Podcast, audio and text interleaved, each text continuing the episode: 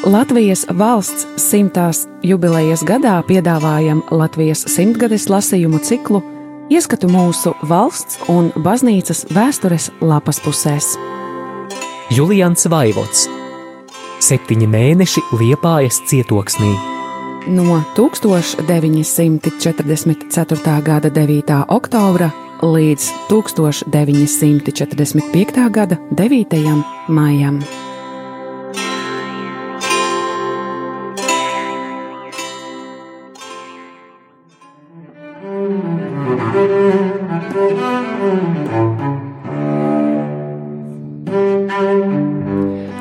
1945. gada 12. februārī. Šodien Liepājā priecīgs notikums. Tikai nepārprotiet šos vārdus, kurus mēdz lietot arī zināmās reizēs, sevišķu notikumu apzīmēšanai atsevišķās ģimenēs vai pat kūtīs un zooloģiskajos dārzos. Šoreiz lieta grozās ap jau sen dzimušiem un pa pusē pieaugušiem cilvēkiem, bet tas prieku nemazina. Jau kopš agra rudens liepājas iedzīvotāju prātus nodarbināja skolu jaunatnes liktenis. Laikrakstos pareizai parādījās arī ziņojumi par skolēnu reģistrāciju. Beigās tika atvērtas pāris pamatskolas, par ko jau agrāk minēju. Diemžēl vecākie pamatskolnieki skolās netika uzņemti, jo no 12, 13 gadiem jaunatnei jāsaistās darbā vai nocietinājumu rakšanā. Tādos apstākļos vidusskolu audzēkņiem, kuriem gan bija likts reģistrēties vēl pirms Ziemassvētkiem, nebija nekādu cerību mācības turpināt. Tagad vācu vadība ir atradusi par iespējamu atļaut mācības uzsākt pirmā un pēdējā vidusskolas klasē. Un šodien ir pirmā diena, kad ar somām rokās parādījās uz ielām arī vidusskolu jaunatne. Kur un kādos apstākļos mācības notiek, nezinu. Tie apstākļi jau nevar būt nekādi spožie, jo visi labākie nami pilsētā aizņemti ar karaspēku vai viņos ierīkotas kara lazaretes. Tas pats sakāms arī par agrāko vidusskolas namu. Tikai skolas soli Lietuva mazgājas vēl šodien kādā dārzā pie Republikas ielas bet ne jau ērtības tagad darīšana. Prieks, ka vismaz daļa vidusskolnieku varēs kaut ar lielu nokavēšanu savu skolas darbu turpināt. Nebūs jau arī ar skolotājiem viegli, jo to lielākā daļa izbrauca uz Vāciju. Citi kaut kur mitinās uz laukiem. Tomēr, kā redzams, ir vēl kādi palikuši arī Liepājā.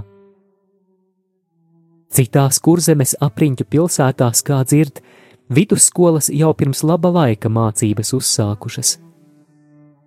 Žēl tikai par liepājas gimnāzijas vidējo klašu audzēkņiem, ka tie vēl netiek pie grāmatām. Bet gan jau kaut kā arī viņu lieta vēlāk nokārtosies.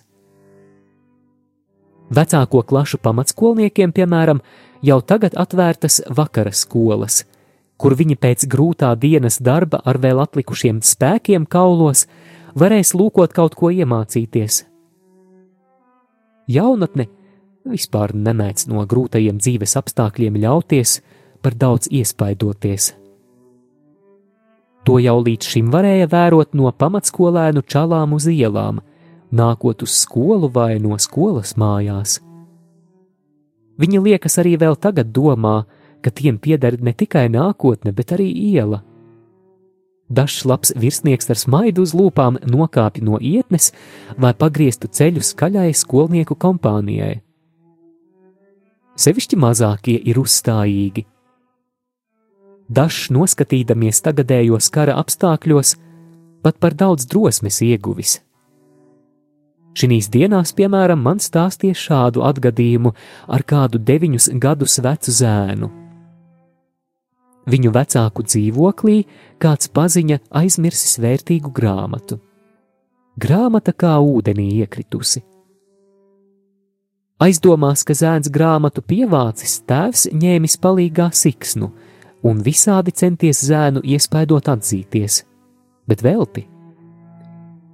Brīžos, kad siksna pārāk asi dzēlusi, gan teicis, ka tu esot sadedzinājis, bet eh, vēlāk atkal apgalvojis, ka grāmatu nemaz nesot redzējis. Grāmatas īpašnieks mēģinājis zēnu iebaidīt, ka vedīšot viņu pie mācītāja, kurš tikai acīs paskatoties, varot patiesību redzēt un pateikt. Zēns tomēr nav bijis iebaidāms, un ceļā pie mācītāja pateicis, ka tēvam vispār nesot tiesību viņu sist un baidīt, jo viņš iešot uz kādu tur sarkano brīnumu un pateikšot vāciešiem, tad tēvam būšot slikti. Nabadzīgs laikam ir sajaucis vāciešus ar kādu citu varu, kur bērniem tiek mācīts savus vecākus apsūdzēt. Slišal zvonu, taņi znaiet atkuda on. Dzirdēja zvanu, bet nezina no kurienes.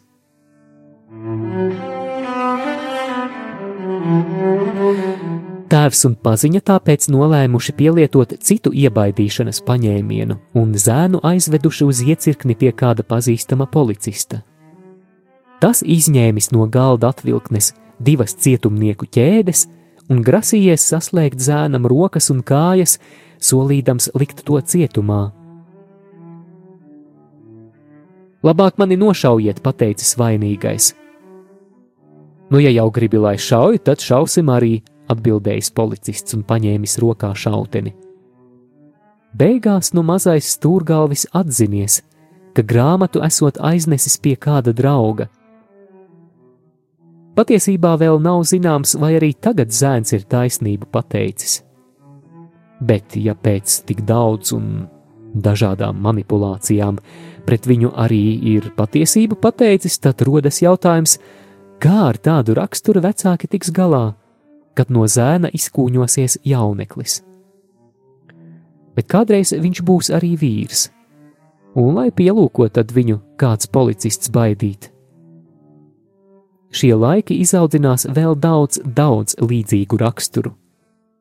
Un, ja tādi apvienojas kopā, thank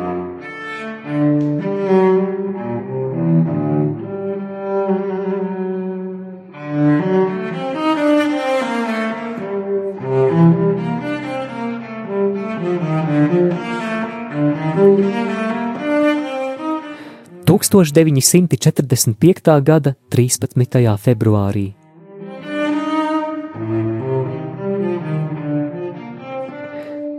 Šodien ir aizgavēja diena, bet mēs vēl sēžam liepājā, un par spīti grūtajiem laikiem divatā ar darba biedru vēl puslīdz pieklājīgi aizgavējamies.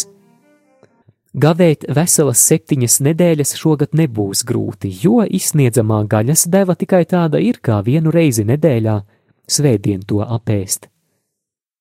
Tāpēc aizgavēnim vēl jo lielāka nozīme, un priekš tā gaļu kaut kā dzemdē, bet vajadzēja dabūt.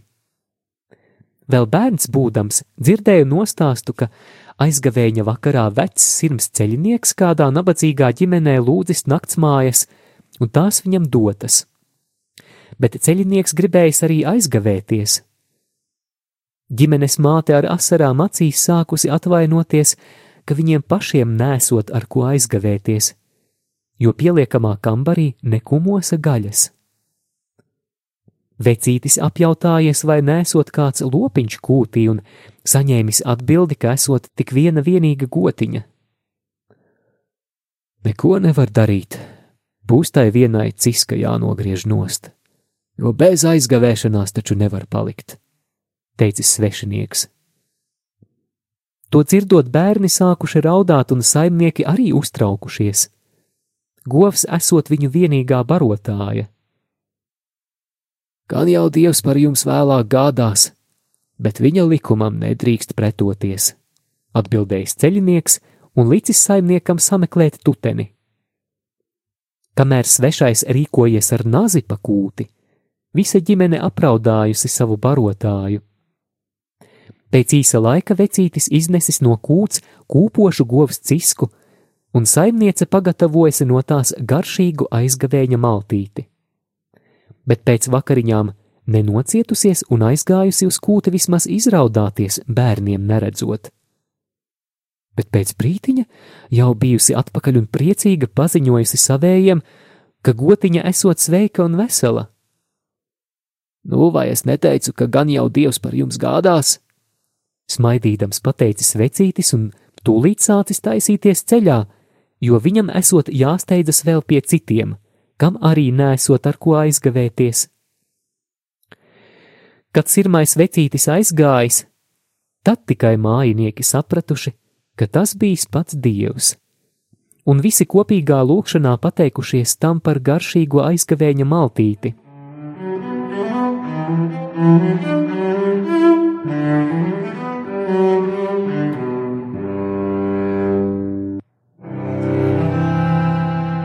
Katoļu apvidos, kur arī es augu, aizgavēņa diena tika uzskatīta par svētku dienu bez pienākuma apmeklēt baznīcu.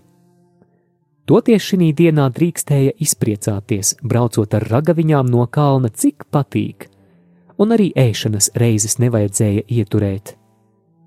Visi zināja, ka aizgavēnī ne tikai atļauts, bet pat pavēlēts ēst vismaz deviņas reizes, un kam duša atļāva, arī trejdeviņas.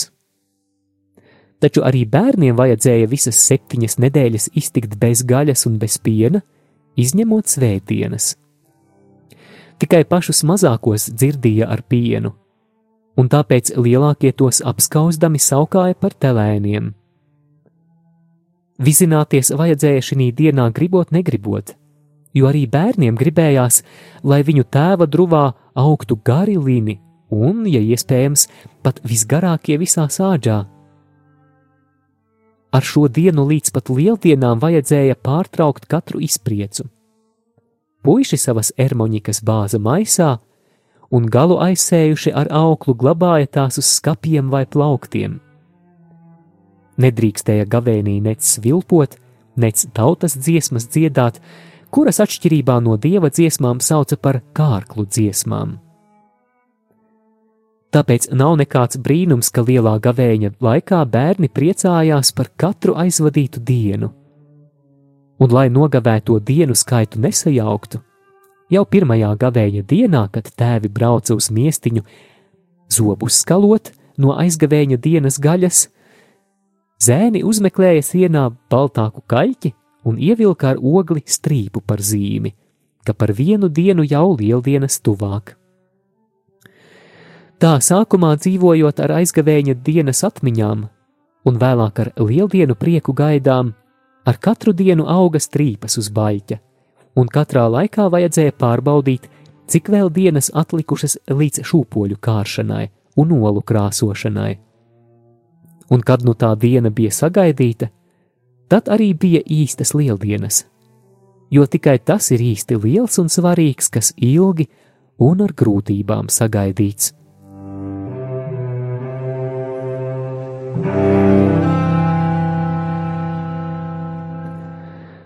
Lai Dievs mums visiem palīdz arī lieldienas sagaidīt liepājā un piešķir aizgavēšanās priekus.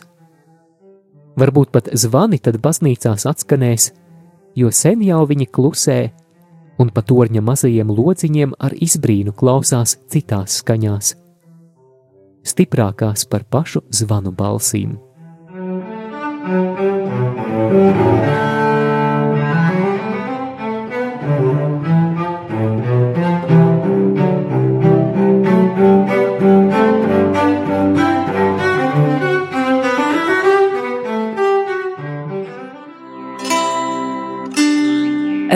Marija Latvija ēterā Latvijas simtgadēji veltīti lasījumi. Julians Vaivots Septiņi mēneši liepājas cietoksnī. No 1944. gada 9. oktobra līdz 1945. gada 9. maijam.